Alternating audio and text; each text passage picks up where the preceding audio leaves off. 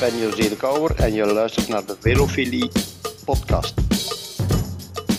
Ik ben Peter Winnen en je luistert naar de Velofilie podcast.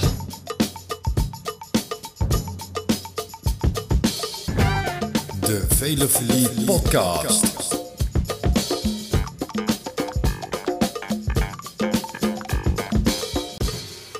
De Velofilie podcast is powered by In de Leidenstrui. De wielerwebsite voor het laatste nieuws, originele content en belangrijke informatie over alle wedstrijden. In de Leidenstrui. Het is vrijdag 5 maart. We zitten in Valkenburg en het is een zonovergoten dag. Het is enigszins koud en we zitten met een heerlijke gast aan tafel. Welkom beste wielervrienden en vriendinnen bij weer een nieuwe Velovolie podcast. En tegenover mij zit in levende lijven de enige echte Danny Nelissen. Ja, goeiedag. Welkom in de uitzending. Ja, dankjewel. Ik uh, vind het een eer en een genoegen dat we hier zijn. We zitten echt in een, nou ja, ik mag wel zeggen, ik uh, liep naar binnen. Ik was overdonderd door wat ik allemaal tegenkwam. Want je loopt naar binnen en je loopt tegen een fiets van Julien Alaphilippe aan. En niet zomaar een fiets. Zo, ja, zijn wedstrijdfiets. Zo'n uh, stinkend dure S-Works. Ja. Met, met, prachtige Shimano Dure Ace uh, spullen erop. En dan uh, draai je om en dan hangt er een wereldkampioen shirt van uh, Annemiek van Vleuten. Of van Mathieu van der Poel. Of van Mathieu. En dan een gele trui van Teunissen en een roze van... Ja, dat kunnen er verschillende zijn. Ik Chris Froome zag ik Chris Froome ja. is, ja. ik, zag, ik zie Sky erop staan. Maar ja. het, kan, het kan natuurlijk ook Tom Dumoulin staan. Want de, want de fiets van Tom Dumoulin, waar die de G-groep won, die staat voorin. In het Experience Center. En we hebben ja, de fiets van uh, Bernal, waar die de Tour mee won. Mooi, we hebben, uh, de fiets van uh, Peter Sagan. ja, we hebben hier van alles heel leuk. um, beste luisteraars, mocht aan het eind van de dag vanuit Valkenburg het bericht komen dat de politie richting het Shimano Experience Center uh, gereden is, dan is dat omdat ik met een van die fietsen weggerend ben. Want ik word hier wel enigszins jaloers, wat kan ik uh, u vertellen. Danny, we zitten hier in het Shimano Experience Center waar jij de commercieel directeur bent. Kun je iets vertellen over wat is dit? Ja, wij noemen dat geen directeur, wij noemen dat gewoon manager. Okay. Een, uh, een commercieel manager. Maar, ja. ja. Nou, wat, wat, wat, ja, wat we hier doen eigenlijk is uh, mensen die geïnteresseerd zijn in fietsen uh, of in vissen, want dat weten we ook heel veel mensen mm-hmm. niet. die ontvangen we hier. En die kunnen de hele customer journeys, die kunnen van alles en nog wat over de geschiedenis van Shimano leren. Ik geloof dat het 24 april is of zo, dat we dan uh, precies 100 jaar bestaan als bedrijf. Oké. Okay. En um, nou, hier zie je ook een beetje de geschiedenis van uh, ontwikkeling van een downhill fiets hè, met een softail. En e-mountainbikes, we hebben, we hebben e-bikes staan, we hebben natuurlijk heel veel race staan. Ja. Ja, en je ziet ja, inderdaad ook leuke shirtjes met handtekeningen van, ja, van, de, grote, van de grote sporters, atleten die op ons materiaal rijden. Mm-hmm. Maar dat ook, zijn er uh, veel tegenwoordig. Ja, er zijn er heel veel. Maar ook uh, ja, gewoon gravel. Hè. Dus uh, we hebben hier een verhuurdienst. waar dan kun je dus zeg maar op een hele ja, dure fiets eigenlijk ervaren wat het is om met een Di2-derailleur te rijden. Hier de Kouwberg op en gewoon een sprintje trekken en blijven schakelen. Zoals Van, zoals van Aert deed tegen, tegen Van der Poel in de Ronde van Vlaanderen. Zonder dat je benen hoeft stil te houden. Weet je, dat, ja, dat, dat kun je hier allemaal ervaren. Ja. We kregen net een rondleiding van jou en het is uh, indrukwekkend. Het is ook allemaal gloednieuw. Hè? Het staat twee jaar hier. Ja, we zijn hier twee jaar gevestigd nu. En uh, het is uh, begonnen allemaal met een experience. En uh, daar hebben we uiteindelijk ook een eventcenter aan toegevoegd. We hebben boven hebben we meer dan 600 vierkante meter aan vergaderzalen. we hebben een lounge waar je gewoon een feestje kan bouwen. Uh, ja, je hebt uh, buiten playground die we hier hebben, dat is zo'n 3000 vierkante meter waar je tenten kan neerzetten, start-finish locatie. Amsterdam Gold Race Experience, die, die verhuisd is van de Polvermolen naar dit centrum. Ja. Dus de routes van de Amsterdam Gold Race die starten en die finishen hier. We hebben gravelroutes, mountainbike-routes. Het is eigenlijk Even heel een... kort, Danny. Ik onderbreek ja. je kort voor de goede orde. Dat, zijn, uh, dat is niet de profrace hè, van de Amsterdam Gold Race. Dat is de Amsterdam Gold Race voor liefhebbers.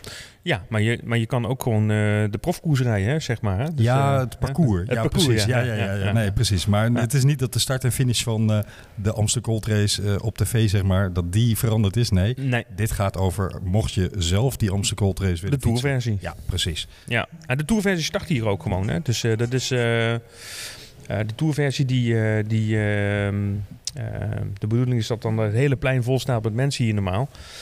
Dus eh, ja, met eh, alle coronamaatregelen is dat een beetje wat, eh, wat lastiger. Maar we hebben in ieder geval wel ja, die tourfans die hier gewoon ook echt daadwerkelijk starten. Hier kom je je nummer afhalen. Ja. Het is de permanence van de Amsterdam Gold Race, van de profkoers voor, voor, voor mannen en voor vrouwen. Dus als hier op de, wat is het, de 18, eh, 18 april denk ik, hè, dan, moeten we, dan moeten we koersen. Ja, dan zie je hier al die auto's aankomen rijden van al die ploegen. De ploegleiders eruit stappen, de juryleden. Ja, dan is, dan is hier, eh, ja, dit is dan het centrum zeg maar, van de Amsterdam Gold Race. Het epicentrum. Hoe gaaf is dat? Ja, kijk, in Nederland kennen we, kennen we eigenlijk de, niet zo'n, hebben we niet zo'n historie zeg maar, met, met hele oude klassiekers. Hè, zoals we dat Nee. in de, eh, met de Ronde van Vlaanderen hebben. Bijvoorbeeld of hier net over de grens met Luik, Bastenaken, Luik. Eh, maar ja, dit is wel Nederlands grootste koers. Ja, hè. en, dat, eh, en ook denk ik wel eh, Nederlands zwaarste koers. Dan onderschat je de Jan Jansen Classic een beetje? Ja, Maar- dat zou heel goed kunnen. nee, Nog nooit gereden. absoluut. Geen eh, prijs gereden ooit. ik ook niet. Het is wel even een mooi bruggetje om, om wat we zo meteen wat meer gaan doen, nog om een klein stapje vooruit te maken. Want als we het hebben over eh, koersen met historie of zonder historie, morgen is Strade Bianca. En eh, toen we hier aankwamen had ik het even met jou over eh, dat ik daar toch wel enigszins gespannen, zeggen ze in Duits voor ben. Eh, ja, vannacht denk ik toch wel minder goed geslapen al door het vooruitzicht. Dat gaat snel dan bij jou. En dat gaat inderdaad vrij snel. Maar jij zei, mijn vader zou altijd zeggen, daar wordt mijn pis niet lauw van. Nee, ik, eh, ik word niet zo snel nerveus van dit soort dingen. Nee. Nee. Ik kan er wel naar uitkijken, maar nerveus worden, eh, dat, eh, nee, dat ken ik niet. Maar zit je morgen wel voor de buis? Ja, tuurlijk. Dat wel. Ja, ja, ja, ja. Ik ga morgen Gertje Jacobs bellen. Die komt op de koffie en dan gaan we samen lekker even straten kijken. Denk. Koers kijken, heerlijk. Ja. Mag ik, de, ah, het is een beetje een flauwe, maar toch even een gewaagde voorspelling. wie, wie, wat wordt het podium in jouw ogen? Ah ja, je hebt drie grote mannen aan de start. Hè? Dus Alle eh, Van der Poel ja, en, en Van Aert. Is daar na de overwinning van Bouke van de week in jouw ogen niks veranderd?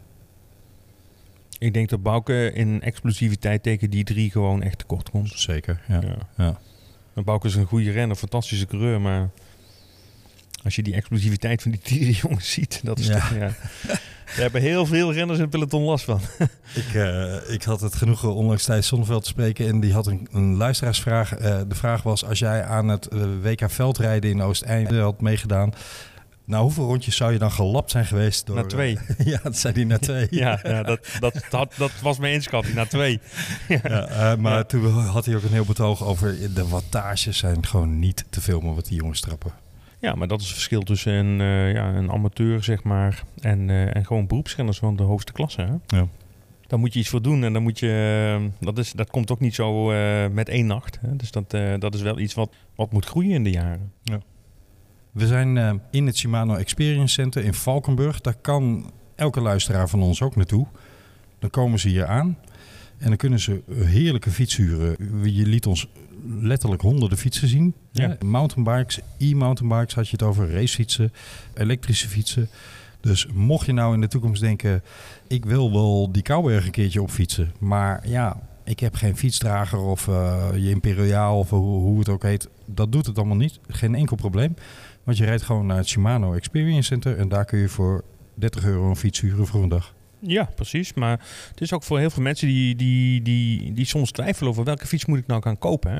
Testen. Ja, Ja. ja. dus dan kun je gewoon testen. want er is hier een, een bikefitting waar je dus precies kan laten meten hoe en wat. Hè?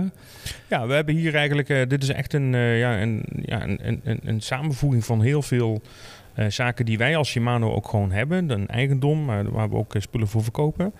Ja, de- alles wat je ziet, zeg maar, wat hier, eh, hier in, de, in, eh, in het Experience Center staat, kun je allemaal kopen bij de dealers. Kun je allemaal in de winkel kopen.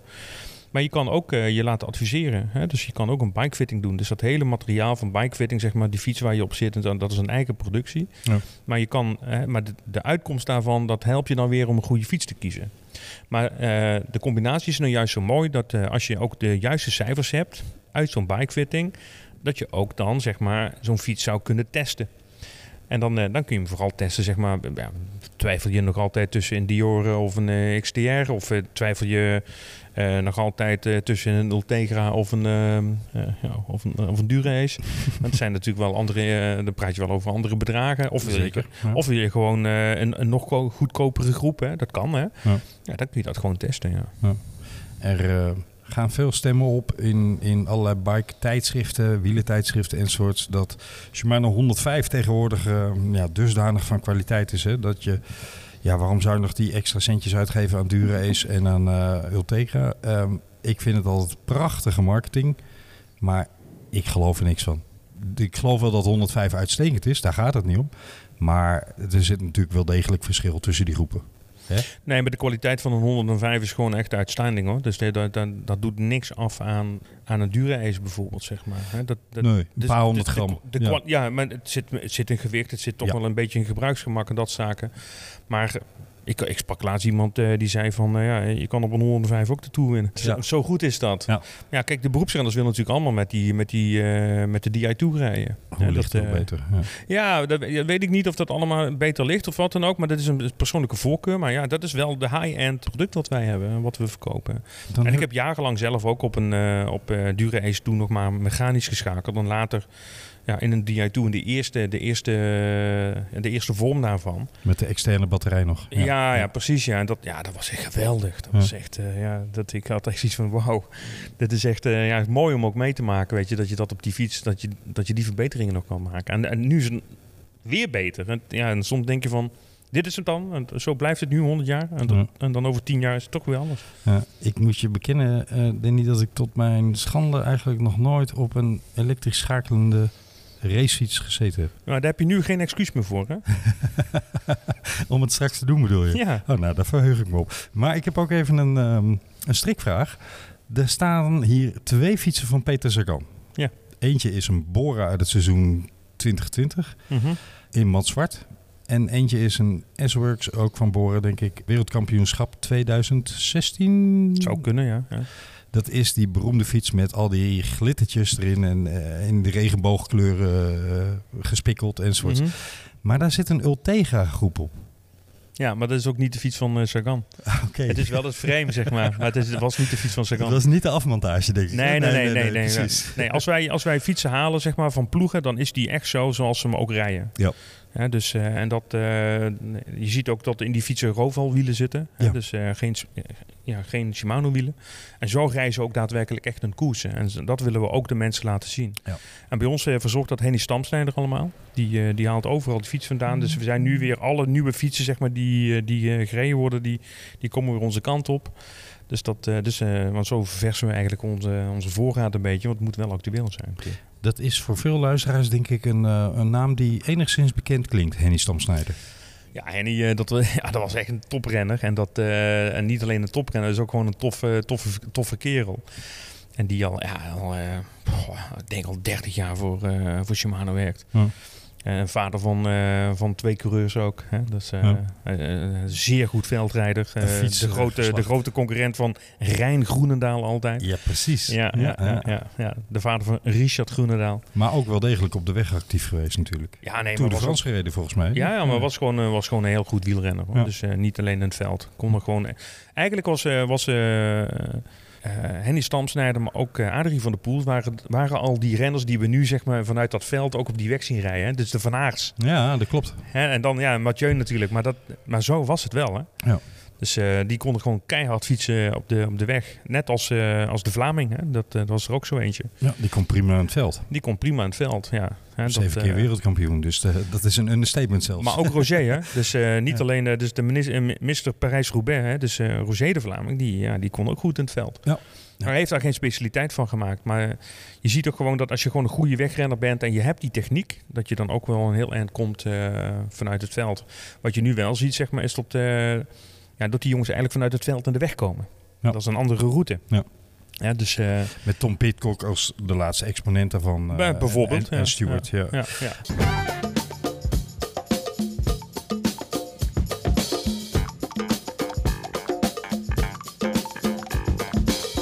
Morgen, als we het toch over van het veld de weg op gaan hebben. Morgen Strade Bianca. Is er dan überhaupt iemand tegen Mathieu of Wout Bestand? Alaphilippe zelfs niet, denk ik. Ja, we moeten wel een beetje oppassen, denk ik, eh, om eh, constant maar eh, die rol eh, aan die jongens toe te dichten. Want er, ja, er, er kan van alles gebeuren. Hè. Dus ik kan me nog herinneren dat we ook zo'n regenversie hadden dat ze links en rechts de bochten invlogen in Ja. de afdalingen. Ja. Dus ja, daar moeten we wel een beetje voor opletten. Maar normaal gesproken, weet je wel, met, met de skills die zij hebben, de kracht die ze hebben, hè, dus het vermogen dat ze eruit, eh, eruit persen uit die benen. Ja, dan wordt het voor anderen toch wel erg lastig. Maar kijk, een Alaphilippe die kan ook gewoon crossen. hè. Ja, en, en laten we wel zijn, Alaphilippe is een eh, geslepen renner. En die zal heus wel doorhebben wat er tussen die twee speelt. Dus Heb je de omloop gezien? eh, ja. Ja, ja.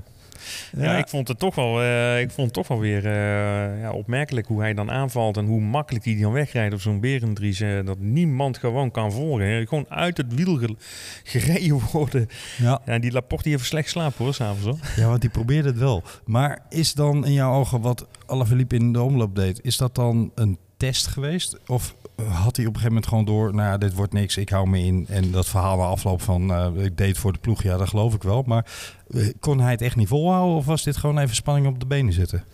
Ja, ik denk dat ze in die tactiek daar een beetje pech hebben gehad dat eh Stibar viel. Mhm. Eh, dat hij een achterwiel aantikte en op de grond kwam te liggen. Ja. Maar ehm, ik denk ook eerlijk gezegd dat het echt voor de ploeg was, gepland. Ja. Stibar zou dan denk ik gewoon ergens op de muren zijn gegaan. Ja. Kijken wie hem dan pakt. Nou, dan hebben ze nog altijd Ballerini om te sprinten. Nou, nu was het dan Ballerini die alles oversloeg en dan gewoon sprinten en won. En dat is ook credits kopen voor je ploeg. Hè? Want zo creëer je dus een, eh, een teamgeest. En zo creëer je ook dat eh Ballerini straks, eh, straks een bal uit zijn broek rijdt voor alle Philippe een keer als sprinter.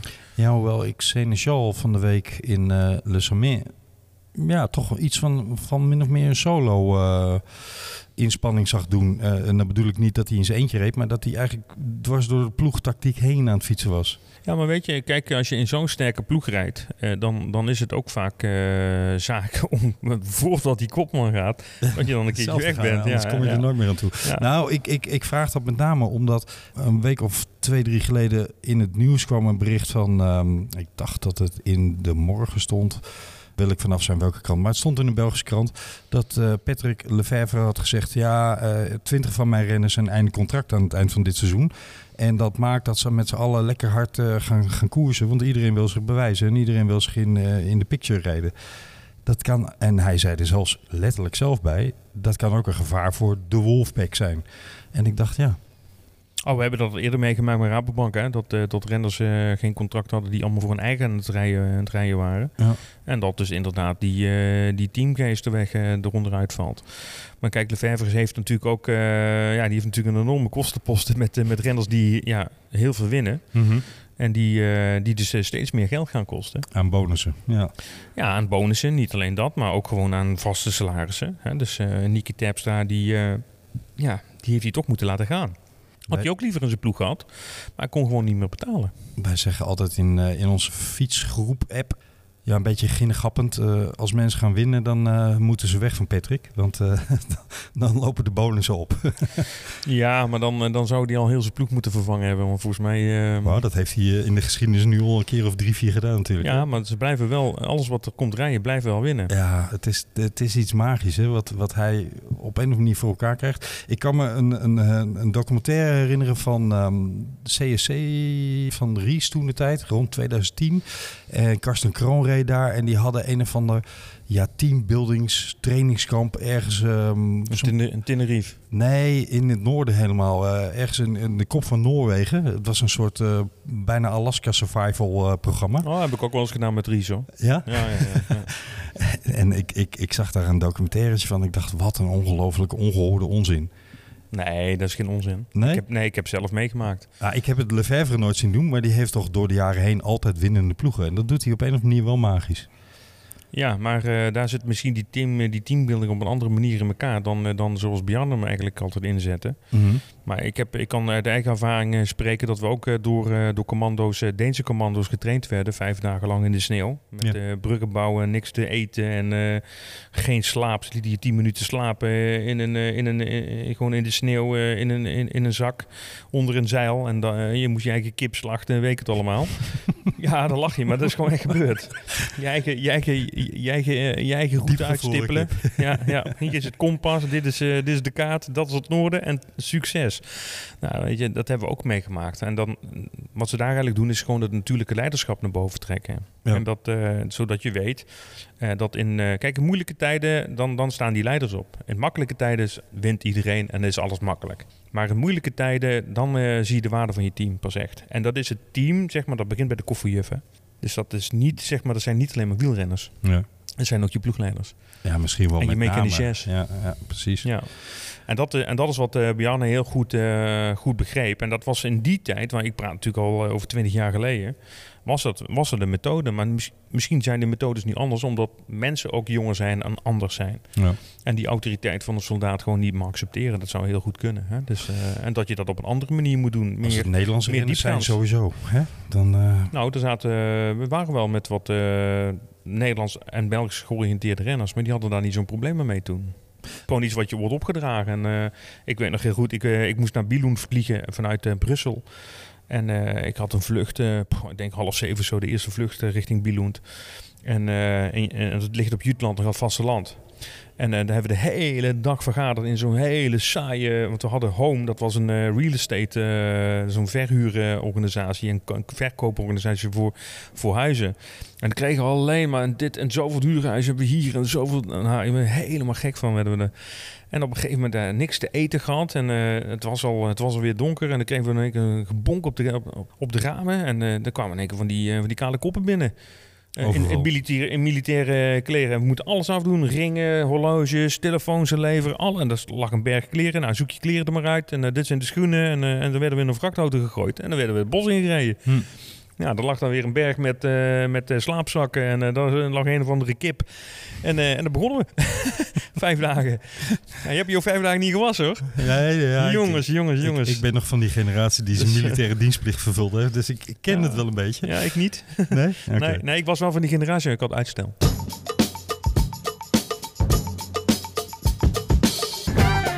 Nou, daar gaan we het niet over hebben. eh, want ik wilde eigenlijk aan jou vragen, als we het toch over ploegen, ploegentactieken en ja, teambuilding hebben.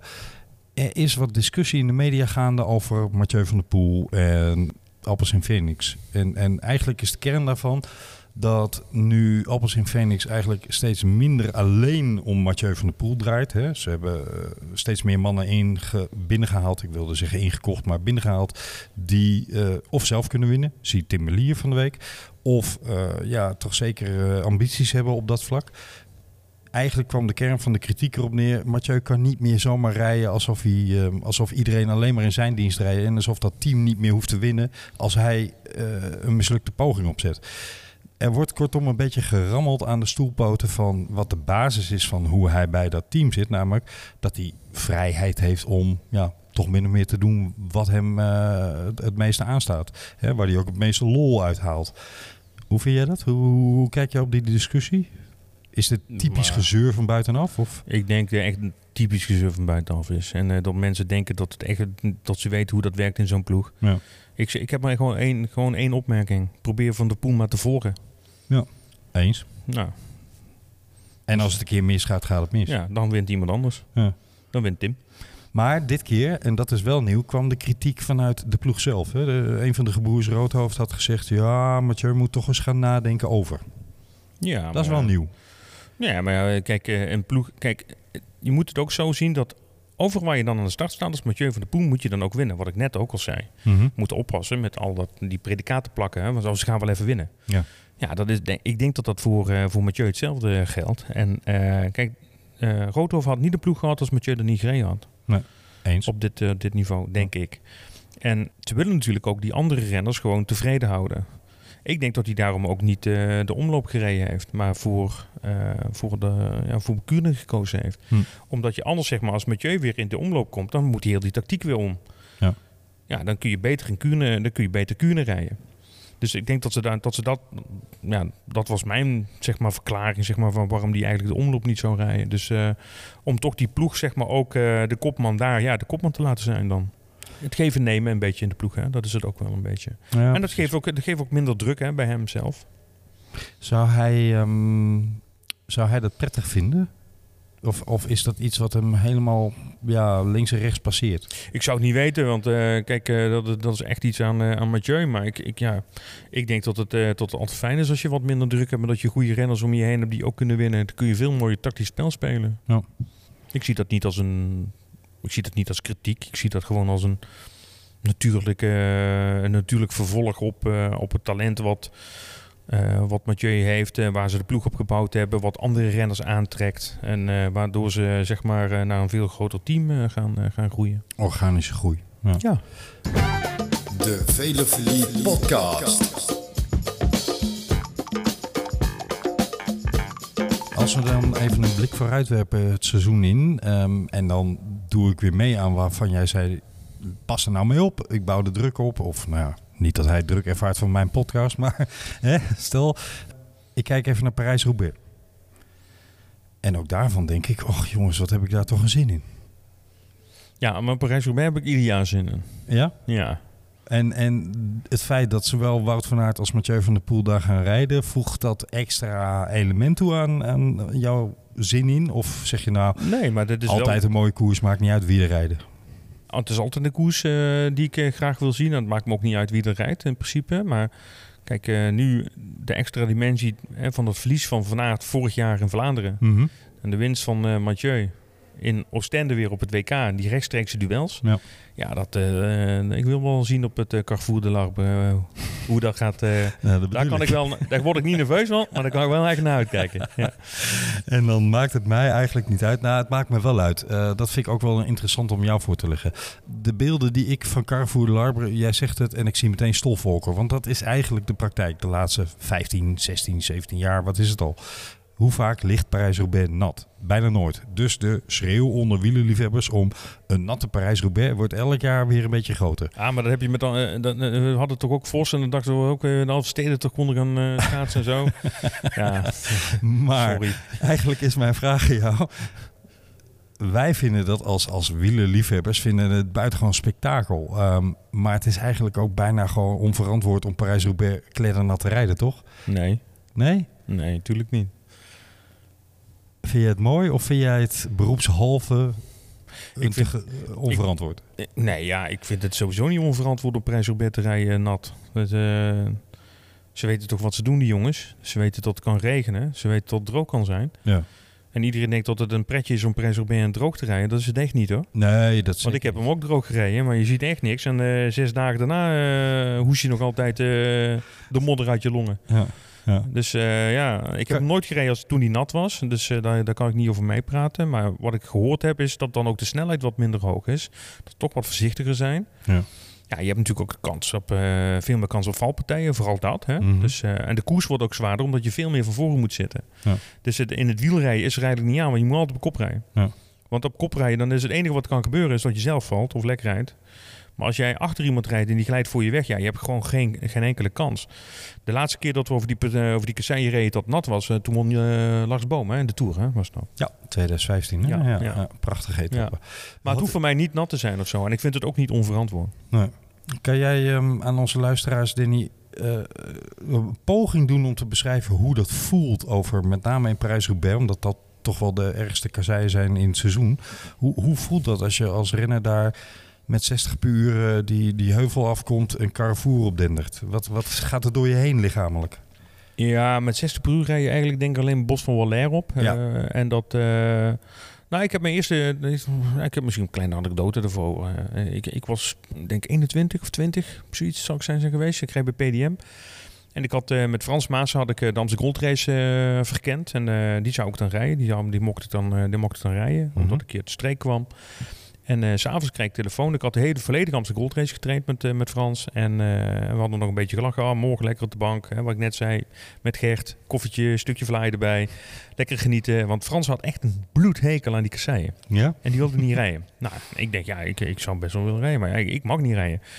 Dus op een gegeven moment ik kom thuis en ik zit uh, aan het avondeten. Uh, rond een uurtje of zeven. Ik kreeg telefoon van Jan Giesbers. Hoe is het? Ik zeg, ja, goed. Ploegleider uh, van PDM toen. Ploegleider van PDM. Ja. Stap er in de auto uh, naar Compiègne en je rijdt uh, morgen Parijs-Roubaix. Want we hadden een zieke... Fijne voorbereiding. Ja, ja, ik had een hele fijne voorbereiding. 245 kilometer in de benen. Ja. Dus, eh, dus ik heb wel eh, een goldrace gereden. Ja, maakt allemaal niet uit. Zegt hij, je hoeft maar 100 kilometer te rijden. Kom maar. Dus ik, eh, ik naartoe. Ik, kwam s'avonds om 12 uur aan of zo. Of 1 uur was het. Ja, ik had, eh, ja, ik had dan mijn eten al op. En ik kon zo het bed in. En ik weet nog dat het heel koud was. En ik kreeg... ehm s ochtends nog even een briefing en ik moest eh, Jean-Paul van Poppel, die moest ik uit de wind houden. Ja. En het was eigenlijk serieuze wind, dus het was echt een waaiers naar Troisville, eh, naar de eerste kasseistrook. Dus nou, ik denk, ja, weet je, ik ben altijd een goede waaierrijder geweest. dus wij draaiden de kasseistroken op met eh één D. Nelissen, twee Jean-Paul van Poppel en drie Adrie van der Poel. Hm. Dus dan, zo gingen we die kasseistrook op. En toen reden we nog heel in de oostenkant, en aan de oostkant langs, waar je ook nog een binnenblad moest rijden, op, omdat je dan zeg maar ook nog Quaremons ertussenin had. Ja. Want wat heel veel mensen niet weten is dat er nog 2000 hoogtemeters zitten in die klassieker. Ja. Hè, dus, eh, en soms gaan die bergen op op kasseien. Nou, en ik, ja, ik denk, ja, ik ben maar van voren. Dus ja, ik blijf ook maar van voren rijden. Maar ik hoefde maar 100 kilometer te rijden. Dus en dat was mijn werk eigenlijk. Ja. Van Poppel afzetten aan die eerste strook. Ja, toen, eh, toen kwamen we op een gegeven moment over al die kasseistroken. En toen kwam Bos en Waller eraan. En ik, ik weet nog goed dat we over een brugje reden. En ik denk, ik ga gewoon aanvallen, joh. Dat ga ik gewoon doen. dus ik pam, weg. En die, die Maas die verslikt zich bijna in zijn, in zijn stuk, eh, in zijn stuk fly. Wat doet die daar? en eh, ja, dus, ja, uiteindelijk ben ik het Bos van Waller. aan de linkerkant lag altijd een heel groot gat. Ja, Rolf reed er weer doorheen. En die ging over de kop en ik eroverheen. En toen raakte ik pas van achter. En toen kwam ik pas al mijn ploegmaat steken waar ik wielen aan moest afgeven. Uiteindelijk heb ik ehm, tot 50 kilometer voor het einde heb ik eh, tot de laatste bevoorrading heb ik gereden. Ze waren me allemaal kwijt, want ze wisten niet waar ik was. Want ze hadden gedacht dat ik daar zou afstappen. Maar ik zat er gewoon in de, in de, in de wedstrijd. Ja. En, eh, ze hoorden op een gegeven moment mijn naam dat ik aanviel natuurlijk vanuit de motor. En eh, nou goed, dan dacht ik, ja, weet je, nou is het genoeg, genoeg geweest, nou stap ik af. Dus ik zat dan een kwartier in, de auto met mijn schoenen uit. En ineens kijk ik zo in de achteruitspiegel zo van, nou, er komt een groep aan, joh. Nou, blauw licht. Nou, ik eh, snel mijn schoenen aan. dus eh, ik eh, na 10 minuten weer op die fiets en ik heb uiteindelijk eindgereden. Ik geloof dat ik iets van 94 toen was of zo. Ah, zoiets was geweldig, geweest. Ja, ja, ja. Ik. Vond, ik, ja, ik was ook super verliefd. En een jaar daarna reed ik weer. En toen, was ik, eh, toen reed ik voorop een paar dagen eerder in Gent-Wevelgem. Tot, tot de laatste twee kilometer of zo met een groepje. Maar toen ben ik heel hard gevallen in de Kemmel. En eh, toen zat ik helemaal onder het, eh, onder het verband. En eh, de eerste zijstrook waar we opreden, reed ik gewoon twee keer lek. Voor en achter tegelijk. Dus stond ik daar. ja, toen heb ik de hele dag alleen maar in de ellende gezeten. Dus ja, dat, dat was echt een drama. Maar goed, maar dat, dat hoort een beetje bij die koers. En dat, uiteindelijk is het ook wel weer lachen. Wat de luisteraars niet zien, maar ik wel, is dat je ogen helemaal glimmen. Ja. Je leeft helemaal op als je het over Parijs-Roubaix hebt. Ik hoef volgens mij niet meer te vragen wat jouw lievelingskoers in het seizoen is, hè, als het over ééndagskoers gaat. Ja, dat is prijs op. Ja, duidelijk. Ja. Evident. Ja, prachtig om te zien. Ik kijk eigenlijk naar dit hele seizoen uit, maar ik wil ook heel eventjes met jou terugblikken nog. eh, dat is inmiddels al, al regelmatig gedaan hoor, maar ik wil toch met jou ook graag nog even horen op vorig seizoen. In vele opzichten een heel apart en bijzonder jaar. eh, om negatieve redenen vanwege de hele coronapandemie en wat dat eh, met de gezondheid van mensen doet. Ehm, en omdat heel veel, heel veel sport volledig stil kwam te liggen. Het wielrennen daarentegen, ja, dat, dat kwam met de Tour de France in september eh, weer, weer op gang. Nou, iets daarvoor natuurlijk de Italiaanse wedstrijden. Ja, eh, Strade, juli. Bian Strade Bianca op 4 augustus. En, eh, 40 graden, ja, 40 precies. graden en dan uh, Milaanse Remo erachteraan en dan de Tour. Ja. We kunnen eigenlijk wel zeggen, en, en Thijs Sonneveld had er een mooie vergelijking voor. Die zei, wielrennen is net een kakkerlak, het zal altijd doorkrabbelen. Eh, dat is eigenlijk vorig jaar gebleken. En ik moet je bekennen, ik vond het misschien wel een van de mooiste seizoenen die ik ooit gezien heb qua koersen. Je kunt je afvragen, zat het kalender technisch allemaal goed in elkaar? Maar wat het grote voordeel was, alle toppers reden in bijna alle wedstrijden Tegen elkaar. tegen elkaar. Ja. En ik vraag eigenlijk aan iedereen die ik sindsdien spreek: is dat iets wat we mee moeten nemen voor de toekomst wat betreft de wielenkalender? Ja, dat doet gewoon allemaal in drie maanden. Dan hebben we de rest van het jaar vrij. dat wil ik liever niet. Nee, eh, oké, goed. Maar eh, ik zit te denken, in de jaren tachtig had je de, de, de, de ehm, hoe heette die trui? Ehm, je had het klassement over het hele seizoen. Ja, de, de, de Perrier, eh, Pernod Perrier. Die, Ja. die zocht ik. Daar zat een kleine prijs aan, maar het was evengoed een trui die toch nog wel wat toegevoegde waarde had. Hè? Er werd wel voor gereden. Nou ja, maar die je hoeft zo ver niet terug te gaan. Want in eh 96 geloof ik eh, was het de Seurensen die de World Cup trui won, zeg maar. Ja. Bij, eh, bij Rabobank. Dus, eh, dus het is altijd wel een, er is altijd wel zo'n overkoepelend idee geweest, zeg maar. ik weet niet of het heel goed werkt hoor. Dat weet ik niet zo vanuit marketingtechnisch oogpunt. Maar ehm, ja, ik, ik, ik zou er niet op tegen zijn hoor. Zie jij iets in een, in een meer verplichtend karakter dat de UCG gewoon kan zeggen... jongens, ehm, de nummers 1 tot en met 50 op de, op de ranking... die moeten starten in Nee, 20 hoofdwedstrijden per seizoen? Nee? nee, nee. Nee, want ik, ik, vind, ik vind er altijd vrije wil om te koersen waar, je, waar jij wil. Vind ik nog wel belangrijk. Want je hebt ook al te maken met een, eh, met een werkgever die eh, allerlei eisen heeft. Ja. En, en sponsors hè, die natuurlijk ook eh, eisen hebben. Want heb je, ben jij bijvoorbeeld eh, een, een Nederlands bedrijf dat, eh, dat een wielenploeg sponsort. Ja, dan moet de kopman toch eigenlijk wel een ronde van Nederland starten. Ja. Dus, dus die eisen die zijn er al. En ik, ik denk niet dat je dat moet eisen. Ik denk dat je dat gewoon moet willen als renner. Ja. Dus kijk, renners die, die willen natuurlijk op het allerhoogste niveau tegen elkaar strijden en winnen. En eh, ja, volgens mij ben je geen renner als je gewoon koersjes uitzoekt eh, waar eh ja, pannenkoek aan de start staan en daar wedstrijdjes wint. Dus jij, Daarvoor, word je, daarvoor, ben je, daarvoor word je geen wielrenner. Je wordt wielrenner om de beste van de wereld te verslaan. in, in diverse soorten koersen. In diverse soorten koersen. Ja. In de Tour of in, of in Roubaix. Of... Zijn wij daarmee niet een beetje ja, ouderwets aan het worden, Danny? Is het niet steeds meer specialisatie juist tegenwoordig? En selectief uitzoeken van programma? Nee, maar je wilt toch ook gewoon... Kijk, vroeger had je... in de jaren- je hebt het over de jaren 80. Die mannen reden alles. Ben Ik weet- Aino enzovoorts, ja. Je reed gewoon echt... En die reden 120 koersen per jaar. Ja. Nu rijden ze de helft. Ja. Ja, dus, eh, En dus- dan zeggen ze dat het druk was, hè? ja, ja, maar, goed, 60 maar, koersdagen, dan heb je een vol programma gehad. maar ik reed in mijn tweede jaar eh, als beroepsrenner... Reed ik, eh, nee, als mijn derde jaar als beroepsrenner reed ik 132 koersen. En dat begon in februari, hè? En ik denk dat renners daar niet slechter van werden, eerlijk gezegd. Nou, ik eh, kan je zeggen, ik werd er heel slecht van.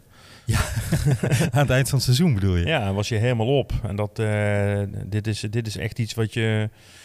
Ja, ik denk, ik, ik, ik denk dat ik ook beter zou zijn geweest als ik maar 70 koersen had gereden of zo. Maar, die, maar dat is niet in die tijd. Dat kun je, dat kun je niet zo vergelijken. Nee. En toen waren de koersen ook nog allemaal boven 200 kilometer. Als jij naar Zottegem ging, voor de grote prijs van Zottegem, dan reed je gewoon 230 kilometer die betonbanen daar aan de Ja. Paddenstraat.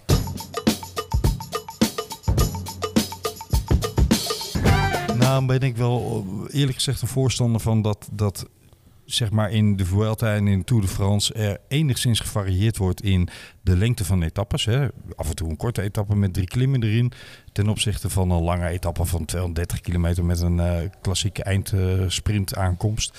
Eh, ik vind dat leuk. Maar ik vind het ook wel weer mooi dat de, eh, de Vuelta, de Giro, toch min of meer een beetje vasthoudt aan de traditie. En dat we kunnen bouwen op. Nou, eh, de Giro begint met een leuke aanloop. Eh, tweede week is altijd een overbruggingsweek. Waarbij je toch stiekem een paar hele gniepige, sluiperige etappen, gluiperige moet ik zeggen, etappes hebt. En de derde week is gewoon klassiek kapot gaan. Ja, acht goals, 260 kilometer. Dat. Maar diezelfde discussie hebben we in het, eh, in het lange baanschaatsen hè, van de Poel, hè, de Zweed. eh, die Ja. een heel groot pleidooi hield voor de dit, Poel. Ja. Ja, voor de, ja, de Niels van de Poel voor de 10 kilometer. Ja, kijk, wielrennen op drie weken tijd is gewoon een uitpuntingsslag. Ja. En we kunnen natuurlijk drie weken ook tegen elkaar fietsen met 80 kilometer, 100 kilometer, 110 kilometer, een tijdritje van 20, weet je, een proloogje erbij, misschien een ploegentijdritje nog, met bergjes erin, weet je, dat kan allemaal. Krijg je ook een winnaar. Je kijkt me nu heel boos aan. Nee, maar dan krijg- je ook een winnaar. En dan eh, iedereen denkt dan dat dat spectaculairder is. Ja. Maar ik, ik, ik zeg dat dat niet zo is. Want wat spectaculair is, is dat die kerel die, eh, waarvan je denkt, die gaat nu gewoon de Giro winnen. Dan gewoon door het ijszakken die 260 kilometer. Omdat die bevangen is door de kou of niet genoeg gegeten heeft. Of, of in een sneeuwmuur rijdt. Eh, weet je, dat soort dingen die herinneren wij ons. De hongerklop van Erik Breukink. Ja, bijvoorbeeld. Eh, maar eh, maar eh, de, de valpartij van Simon, weet je, waarin hij zijn, zijn, zijn schouderblad breekt en nog vijf dagen op de fiets zit, Ja. wat niet gaat. Ja. Allemaal dit soort, dit soort drama, dat heb je. Ik, ik ben niet geen voorstander zeg maar, om renners te gebruiken als een soort van wegslaaf. Maar, maar ik, ja, ik ben, het zijn ook wel beroepsrenners, weet je, het zijn ook beroepssporters. En, en een keer over 220 kilometer rijden, dat, dat moet ook kunnen. Maar wat, maar wat er nu heel veel is, zeg maar, dat heel veel dingen besloten worden over de kop en de rug van die renners. Ja, En zonder dat die- inspraak. En dat die, en dat die niet worden meegenomen. En, ja, en dat- dus die mondige generatie die pikt dat niet meer zo. Nee. En die willen gewoon wat inspraak hebben. Maar die gaan ook gewoon 260 kilometer fietsen hoor. Ja, afgelopen Giro eh, hadden ze toch een eh, Nee, maar dat- zitstaking, hè? Wat dat ja, maar, betreft. maar dat, dat is dus zeg maar dat er geen inspraak is. Ja. Hè? En, eh, en dan gaan, ja, dan, en, en renners kunnen wel opstappen of niet opstappen. Dat, dat, die macht hebben ze. Maar uiteindelijk is het wel zo dat, eh, dat als jij dat met hen overlegt... en dat daar, ja, dan rijden ze toch gewoon 260 kilometer. Ja. Daar ben ik van overtuigd. De ploegen van ehm, zowel Jumbo als eh, DSM zijn wat dat betreft al een paar jaar bezig met hè, het, het gesprek voeren over hoe kunnen ploegen en, en renners nou meer inspraak krijgen. Met name over veiligheid van parcoursen. ehm, over standaardisering die dit jaar dan voor het eerst afgesproken is van de dranghek bij aankomst. Allemaal dat soort zaken. Daar wordt natuurlijk wel achter de schermen veel over gesproken. Eigenlijk was de conclusie tot voor kort. Er wordt gesproken, maar niet geluisterd. Hè, want de UCI is, Nou, is dat- of alleen eh, heersend of is min of meer hand in hand met de ASO.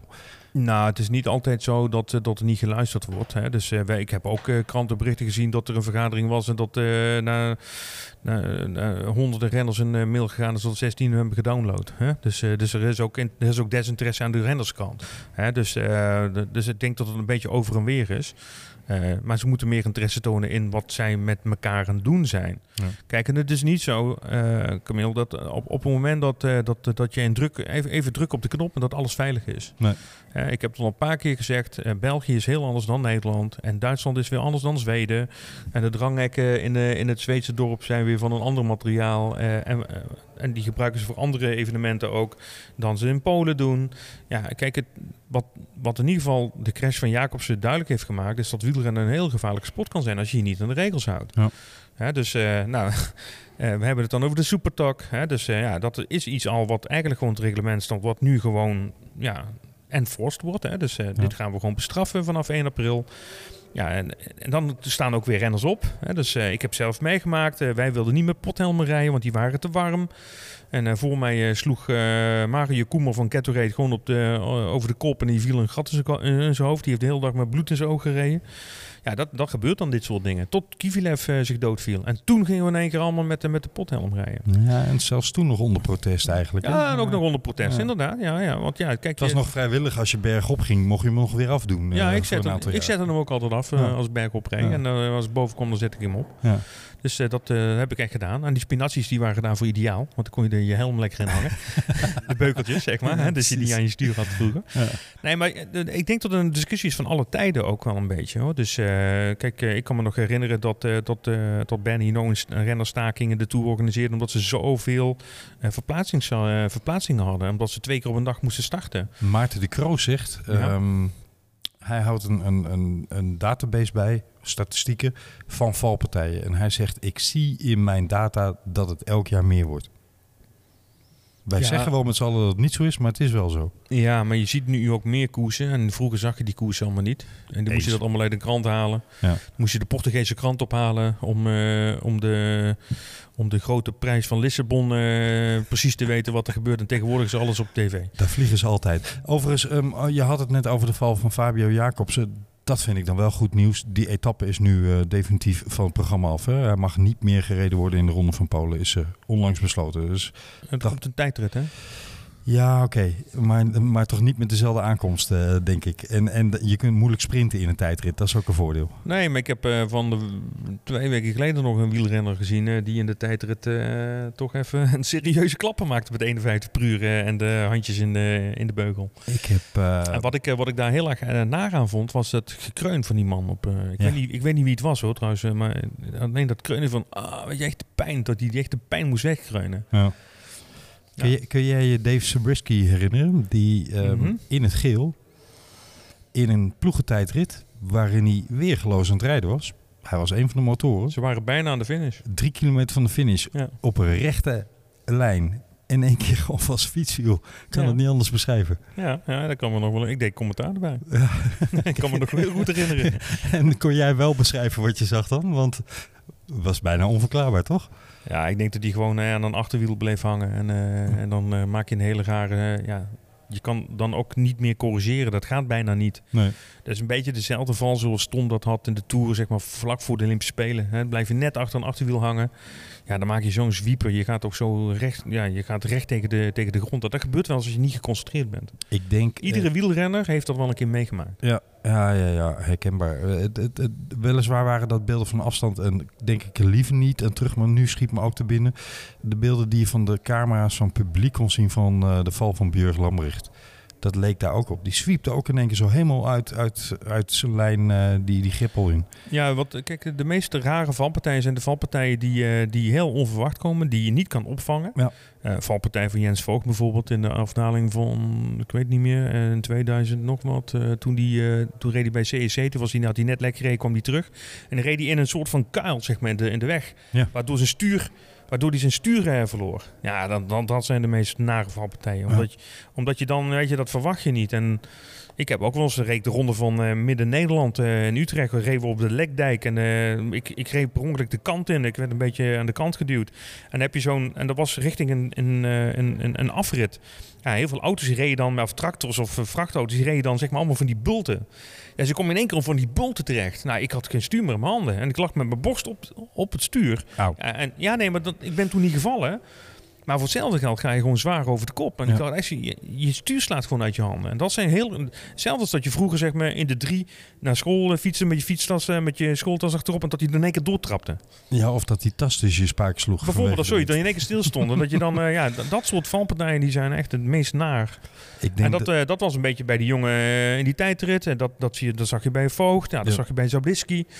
Dus ja, en je ziet ook valpartijen van ze aankomen. En dan, zie je, dan beginnen ze voorin te vallen. En dan, ja, dan weet je, oh, ja, vandaag ga ik eh, mijn broek kapot vallen. Nou, als ik eh, die, die paar keer dat ik in een peloton gereden heb, als ik één ding eigenlijk ja, angstwekkend daaraan vond, is niet het rijden in een peloton zelf, niet het mensen allen door een bocht wringen, niet het weer in het wiel proberen te komen en dan voelen dat een ander tegen jou aantikt, maar het gekrijs van remmen een meter of tien voor je horen. Dat vond ik altijd, daar kreeg ik meteen een, een huivering in mijn ruggengraat van. Want dan wist je, eh, nou ja, over drie seconden lig ik er overheen.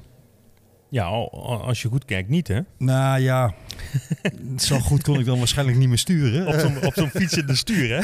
Kijk, jij had natuurlijk talent en ik zat gewoon enorm af te zien. En dan wordt je reactievermogen wat minder goed. Dus dat zal het grote verschil zijn. Nee, maar het, het gevoel dat je had van, ehm, ja, je kunt eigenlijk geen kant op. Er rijdt links iemand, rechts iemand, er zit achter je iemand.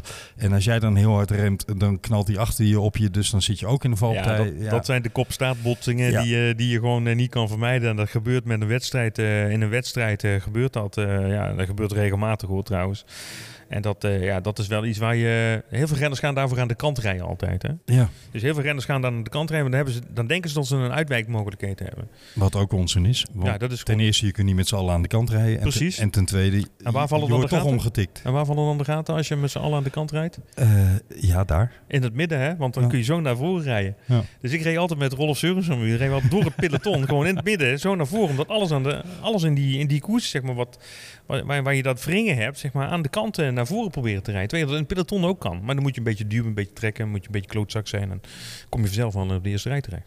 Nou ja, eh, ik hoor het al, we hebben te maken met eh, iemand die het vak van binnen en van buiten kent. Hè. Ehm, dat ook eh, ja, hier in het Shimano Experience Center eh, tot toepassing brengt. En ga daar vooral een keer heen, beste luisteraars, want het is echt indrukwekkend. En ja, mocht je nou niet zoals ik een diehard wielerliefhebber zijn, dan weet ik zeker dat de omgeving je inspireert. Want het is hier het prachtige Zuid-Limburg-Valkenburg.